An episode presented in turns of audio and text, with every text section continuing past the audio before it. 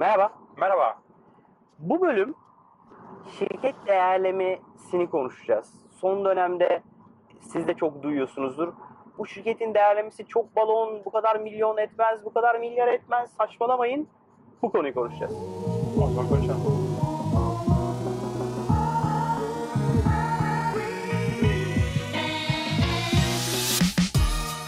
Şimdi Arman, Türkiye'de de var. Özellikle borsa şirketlerinde ya da böyle hani unicorn dedikleri işte böyle milyar TL'nin üzerine çıkmış ya da işte 100 milyonluk değerlerine ulaşmış şirketlerle ilgili abi bu şirket bu kadar para eder miydi? Kahve muhabbeti. Hani kahvelerde edilen var ya abi o parti böyle. Bu birazcık öyle bir muhabbet var hacı. Ee, ediyor ki birileri para veriyor. Öncelikle bunu kabul etmek lazım.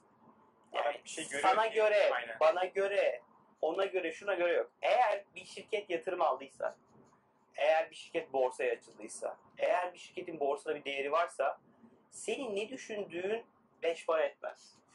Yani kimsenin, ya benim umurumda değil yani sonuçta birileri demek ki sence bence beş para etmeyeceğiz bir şirkete birileri eğer bir para veriyorsa, borsada hissesini alıyorsa, yatırım yapıyorsa bir önemi yok. Çünkü realize olmuş bir değerleme var orada. Evet. Bunu bir kere ayırmak lazım. Evet. Yani bir sen, sen bir şirketin var ve yatırım alacaksın ya da borsaya açacaksın. Ha benim şirketim 100 milyon ediyor. Kimse 100 milyon vermiyorsa senin şirketin 100 milyon etmiyor. Etmiyor. Senin aklındaki şirketin değeri 10 milyon ama birileri senin şirketini 20'ye verebilecek birini bulabiliyorsan senin şirketin değeri 20. Aynen öyle. Senin şirketin 100 verecek birini bulursan senin şirketin değeri 100.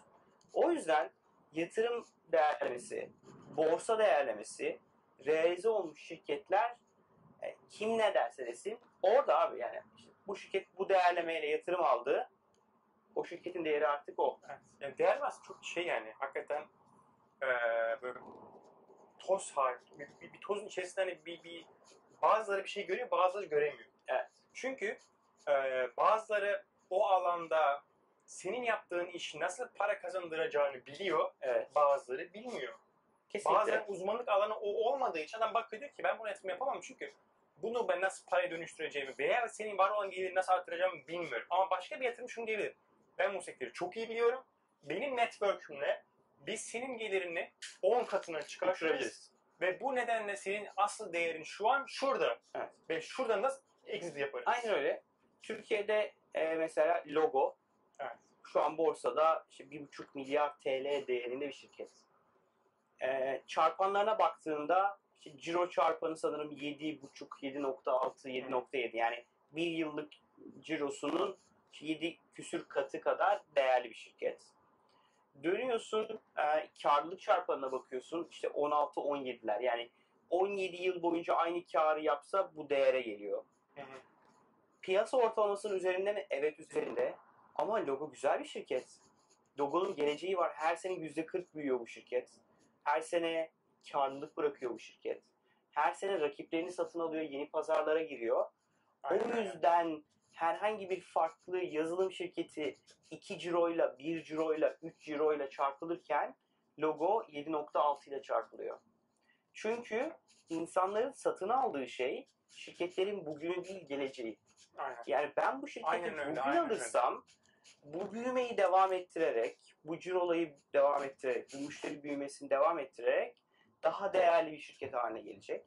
Aynı şey gibi ya şu karşıki dağlar çok güzel tarlalar vardı bundan 10 yıl önce. Ya işte o zaman da işte 1000 liraya alabiliyorduk. Şimdi abi önünden kim derdi ki o zaman önünden bilmem ne geçecek şu geçecek. Şimdi oldu o 1000 liralık arsalar 100 bin lira. Şimdi tamamen aynı şey bence. Bir de satın aldığın bir değer var. Senin için hiçbir zaman oraya bir otoyol gelmezdi, imar çıkmazdı 10 sene önce. Ama bak şimdi devasa bir AVM yapıldı, devasa bir yol yapıldı. İşte şirket değerlemek de bence böyle bir şey. Aynen öyle. Yani şirket değerlemede en önemli unsur benim her zaman gördüğüm eee, o da senin iş modelini. Evet. Yani iyi bir iş modeli, iyi para iş modelin yoksa zaten değerlenemezsin yani. Mesela Markafoni Trendyol şeyi de öyle değil miydi? Yani Markafoni çok güzel bir iş modeliyle çıktı. Bu işi Evet. ilk yapanlardandı. Ama piyasa değişti ve Markafoni artık e, ürün alsatçılığı yapma işinden çıkmadı ama Trendyol çıktı. Trendyol private label'a gitti E, ve şu an işte milyar lira ciro yapan bir ticaret sitesi oldu Türkiye'de. Markafoni kapandı. Evet. İş modeli, hızlı ayak uydurabilmen, işte değerlemeni değiştiren konular bunlar yani. E, Tesla buna en güzel örnek. Tesla şu an dünyanın en değerli üçüncü mü oldu? Hatırlamıyorum. Bak, Yani üçüncü, dördüncü yani. otomobil şirketi. Ama Tesla hani dördüncü, beşinci, altıncıdan daha az ka- kar yapıyor. Daha az araba üretiyor. Daha az ciro yapıyor. Her şey daha küçük.